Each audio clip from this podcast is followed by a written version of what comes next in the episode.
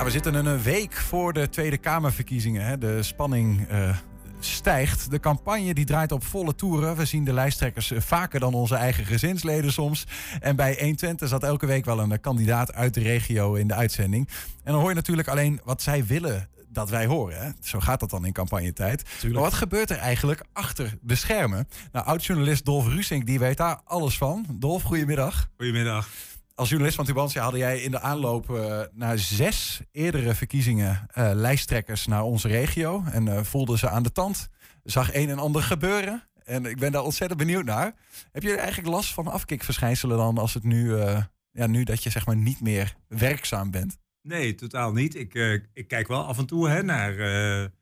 S'avonds natuurlijk sowieso naar allerlei programma's. En ook volg ik de gasten die in Enschede zijn hè, bij Tubantia aan de universiteit. Ja, dus daar, daar zit je nog wel uh, met argusogen uh, te volgen wat er allemaal geen, gebeurt. geen argusogen. Ik ben heel belangstellend. En het is natuurlijk zo, omdat je een beetje weet wat er op de achtergrond uh, een rol speelt, mm -hmm. kun je ook wel goed inleven. En want ja, in 2002, achteraf was dat een heel uh, geruchtmakend jaar. is Komen krant, we zo verder nog op? Ja, ja is de krant destijds begonnen met die serie. En ik ben daarvoor toen eerst naar Den Haag geweest om met alle lijsttrekkers en hun spindokters, eh, campagneteams, eh, medewerkers te praten. En ja, vanaf dat moment is dat gaan rollen en hebben we inderdaad zes keer over bij verkiezingen eh. Vrijwel alle kopstukken naar uh, Twente kunnen halen. Beviel blijkbaar goed. Ja. Uh, zometeen een aantal van die nou ja, anekdotes, gebeurtenissen, soms ook trieste gebeurtenissen even bij langs. Ja. Misschien beginnen bij de um, laatste verkiezingen waar je nog bij betrokken was, 2017.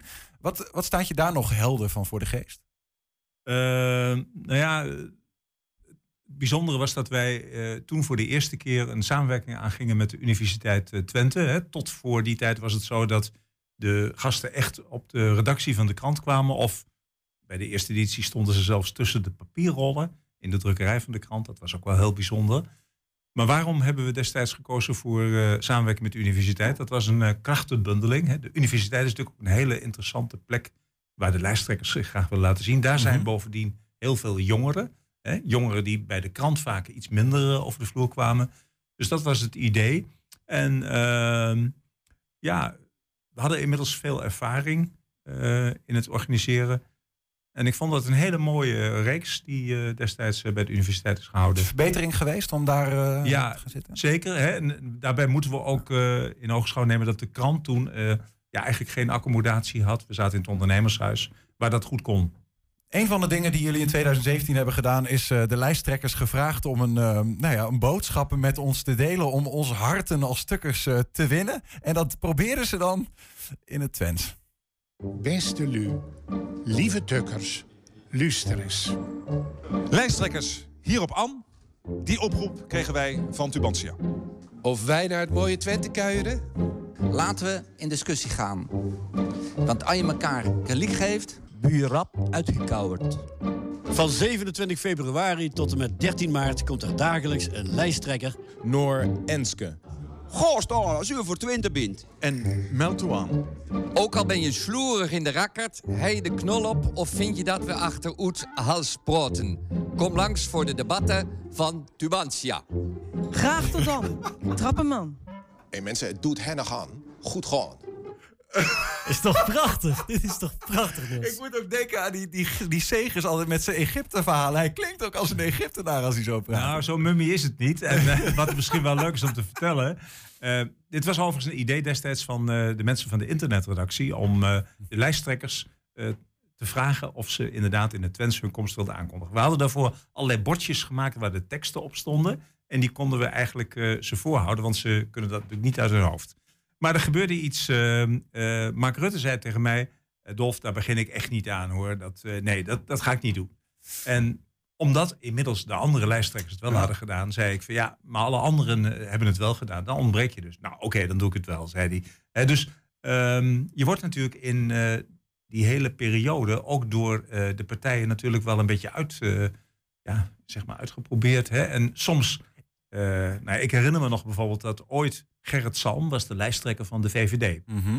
En uh, twee dagen voordat hij naar Enschede zou komen, belde de VVD mij en zeiden: Ja, we wilden het even hebben over uh, Gerrit Salm. Die zou komen. En het woord zou vond ik al merkwaardig. Ik zei: Zal komen? Nee, Want hij heeft nog een debat in het noorden van het land. En eh, we sturen een ander. We sturen een vervanger. Jullie hadden alles al geregeld. Ja, natuurlijk. ik zei, dat mag je best doen. Maar die vervanger die, eh, hoeft niet te komen. Want dan schap ik hier bij de bijeenkomst.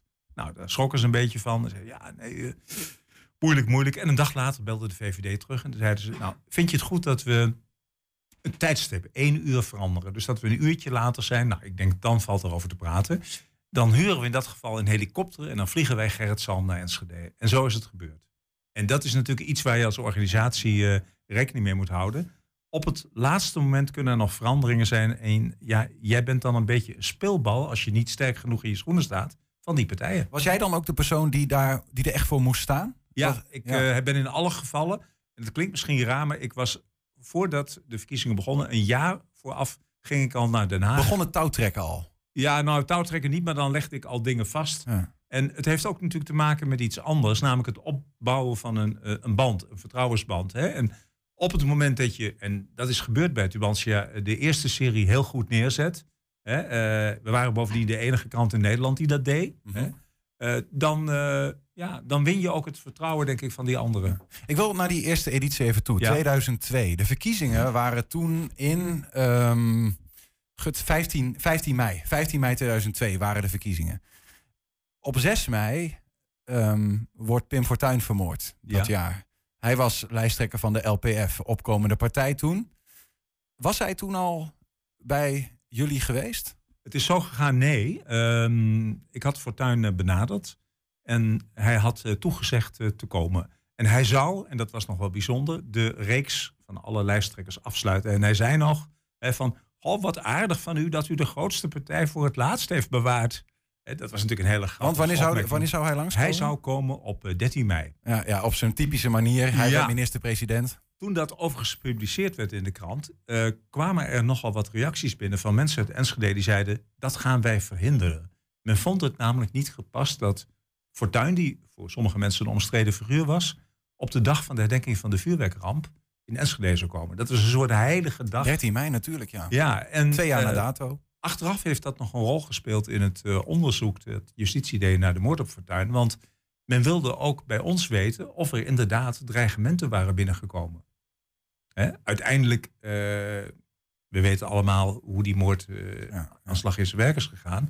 Maar eh, zover ging dat zelfs. Jongen. Dat betekent dus dat Fortuyn ja. niet kwam. Ja. Hè? En dat de verkiezingscampagne werd ook even stopgezet.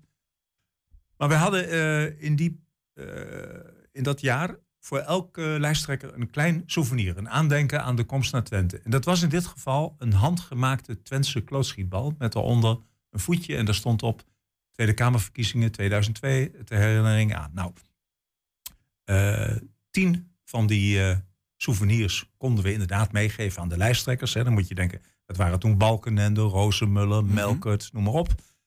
Maar een van die souvenirs is achtergebleven, want dat was namelijk het aandenken voor Pim Fortuyn. En eh, die klootschietbal met dat voetje eronder staat nu nog altijd als een soort prespapier op mijn bureau thuis.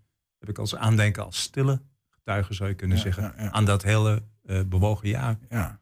Maar het is wel, jullie hebben die serie toen wel gewoon We hebben de gemaakt. serie wel, eh, wel gehad, ja. Ging het dan ook toen ook, ook toch veel over Fortuyn?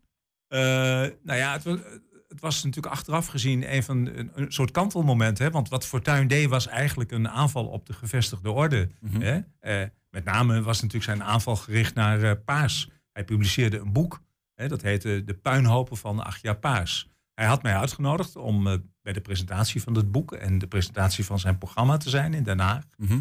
En eh, ik zat daar met eh, zeg maar honderd andere journalisten.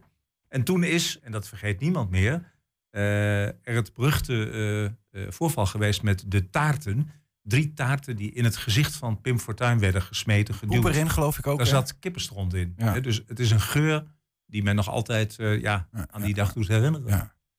Ehm, een, een figuur die in het verlengde ligt van Pim Fortuyn. Ik hoop niet dat ik daar mensen tegen de schenen schop. bedoel ik niet zo. Maar Geert Wilders, eh, toch een beetje eh, op sommige vlakken eenzelfde gedachtegoed. Eh, is, is hij ooit naar Enschede gekomen? En hoeveel gedoe gaf dat? Nou, in totaal is Wilders drie keer in Enschede geweest bij de krant. Twee keer bij de verkiezingen en één keer apart in het Volkspark in Enschede. Op een zondag. Toen hadden wij de serie Goed Gesprek op zondag. En toen is Wilders daar gast geweest. Vergezeld overigens toen van ongeveer, denk ik, eh, een dertigtal eh, veiligheidsmensen, politie inbegrepen. Ehm, ja, ook met Wilders is het zo dat, eh, om te beginnen even, Wilders heeft eigenlijk twee gezichten. Als je Wilders een camera, een microfoon, een aantal journalisten, zeg maar, voor hem zet, dan is hij de Wilders zoals we hem kennen. Hard, onverbiddelijk, zeer scherp, aanvallend. Maar als mens is hij privé een bijzondere, aardige, misschien zelfs wel wat zachtaardige man. Die achter de schermen overigens met Rutte en al zijn opponenten uitstekend overweg kan. En die ook bij zijn bezoek aan Enschede aan de krant altijd eh, ja, zeer belangstellend was. Ook eh, nou ja, over datgene wat er bij de krant gebeurde, wat er met lezers gebeurde. Hoe kijk jij daar dan naar? Want je kent die, die, die mensen, nou kennen, hè? Je, je spreekt ze achter de schermen. Je ziet een andere Wilders. Ja. En die camera gaat aan en ze schieten in hun, nou ja, hun rol als politicus. eh, Misschien wel wat mensen van hun verwachten. Heb je dan zoiets van, ja, ik begrijp dat. Ze moeten ook dit verhaal op die manier verkopen. Of, of denk je ook wel eens wat anders? Nee, ik, eh, ik begrijp dat wel. En het was bij Wilders zo dat, eh, nogmaals, hij is nogal attackerend. Dus hij werd on- on- ondervraagd door journalisten van de krant. En op een gegeven moment ontstond er een, ja, een hele felle, zeg maar, discussie, interview. En toen beet Wilders de verslaggever van Tubantia toe. Weet u wat u bent, meneer? U bent niets anders dan een checkrokende D66er. En ja, nou, dat, ze lachen natuurlijk in de zaal. Nou, het interview was afgelopen. Eh, Wilders deed zijn eh, microfoon af. Hij liep naar mij toe. Hij zei, goh, waar is die collega van jou? Ik wil nog even een sigaretje met hem roken. nou, en dat, dat typeert natuurlijk eigenlijk wat er dan achter de schermen gebeurt. Ja, ja, ja. Ik ben bovendien in eh, de werkkamer van Wilders geweest in Den Haag. En dat was toen hij uit de VVD is getreden. Eigenlijk niets anders dan een soort goed verstopt eh, nou ja, hok op de bovenste verdieping in de Tweede Kamer destijds. Waar hij eigenlijk zeer streng beveiligd helemaal alleen zat. Mhm. En daar heb ik hem ooit met een collega bezocht. En dat is de basis destijds geweest van zijn komst naar Enschede. Je zou ook kunnen zeggen dat die dat. Want ik denk dat elke politicus ergens, als ze dan aan die tafel zitten bij die universiteit, een, in een rol schieten. En misschien dat het voor hen ook wel een, een spel is, die arena, zeg maar. Ze, hè, wat je zegt al, Geert Wilders heeft een iets andere rol dan dat hij achter de schermen heeft. Dat is ook wel soms misschien waarvan mensen denken: ja, zit daar nou een echt mens of zit daar een, een spreekpop, zeg maar? Ja. Ja, dat oordeel is natuurlijk aan iedereen eh, zelf. Wij hebben de mensen eh, in, in al die reeks series en ook in, in de tijd... Ik heb zelf een, een, een jaar in Den Haag mogen werken. Eh, ja, dan zie je ze toch ook wel een beetje van een andere kant. En we moeten natuurlijk weten dat eh, die verkiezingstijd, die campagnetijd... dat is natuurlijk een, eh, ja, een, een, een, soort eh na-competitie... maar een soort belangrijke fase zelfs, zoals je het in het voetbal hebt... Mhm. waarin echt van alles gevraagd wordt. Nou, om een voorbeeld te geven... Balkenende, hè, de lijsttrekker van het CDA, kwam in de tijd dat hij al premier was als lijsttrekker naar, naar Enschede. Hij ging de avond vooraf al naar een hotel in Twente en ging zich daar met zijn spindokter, iedereen kent hem nog wel denk ik, Jack, Jack de Vries, ja zeker. Later nog zelf minister geworden, Ja. geloof ik. Hè? voorbereiden op eh, eh, zeg maar de dag dat hij bij Tubantia zou worden geïnterviewd. En dan moet je je voorstellen, eh, Jack de Vries had mij gevraagd, Dolf, mag ik je dan s s'avonds thuis vast even bellen? Mhm. En om acht uur ging de telefoon en zei Jack de Vries... ja, ik zit nu met Jan-Peter Balkenende hier op de hotelkamer in De Lutte. We zijn ons aan het voorbereiden op morgen. Ehm, eh, komt het thema dit en dat aan de orde? Dus moet je nagaan hoe, zeg maar, serieus... Ja, ja, in dat geval zelfs de voorbereiding op... Ja. wat wij dan misschien denken, goh, het is maar een regionale krant. Nee, het is voor hun op dat moment heel erg belangrijk. Werk je dan ook altijd mee? Want dat is natuurlijk altijd wel een beetje van. Hè, bijvoorbeeld als ik hier zit en ik krijg van een politicus die ik heb geïnterviewd later. van, eh, van nou, dat, eh, dat, dat ging goed, dat he- heb je mooi gedaan. Dan vind ik het ook wel altijd een beetje dubbel. Snap je? Want dan denk ik, ja, goed, het is ook niet de bedoeling dat mensen hier altijd maar in een warm bad. Je moet ook kritische vragen kunnen stellen. Dus de relatie tussen een journalist en een politicus is soms wel wat gek.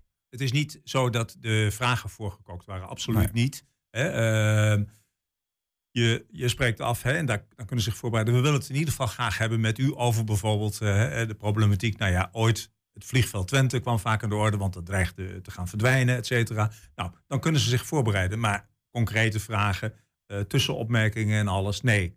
Dat is, eh, daar, daar kunnen zij als, als beroepsfiguren ja, natuurlijk ook mee omgaan. Dus nee, in dat opzicht absoluut geen afspraken vooraf. Nee. Ehm, dit jaar eh, is het ook weer op, op de universiteit. Hè? Iets anders in verband met corona. Heb je nou nog, ehm, ben, je daar, dus- ben je daar dit jaar nog op enige wijze bij betrokken geweest? Als spindokter van Tubantia, om het zo maar te zeggen. nee, nee, dat ben ik niet meer. Ik ben sinds twee jaar met pensioen. Ik doe nu andere dingen. Ik schrijf boeken. Ik, eh, nou ja, eh, ik vind ook dat het eh, nu, nu is het natuurlijk aan de mensen die nu bij de krant en bij de universiteit ook, ook verantwoordelijk zijn voor datgene. En zij doen dat op, op hun manier en volgens mij loopt het ook allemaal prima. Het enige wat ik gedaan heb is zeg maar mijn overdracht van mijn informatie, van mijn kennis. En daar heb ik in de in, vooraffase heel even bij geholpen, maar verder ook niet. En ik ben er ook niet verder bij betrokken. Dank in ieder geval voor uh, het kijkje achter de schermen dat je ons bij deze zo in een heel korte tijdsperiode even hebt gegeven. Dolf Rusink, dank voor de komst ook en uh, succes met wat er dan nog wel over is van afkikverschijnselen. Zeg maar. Dank je. Ja.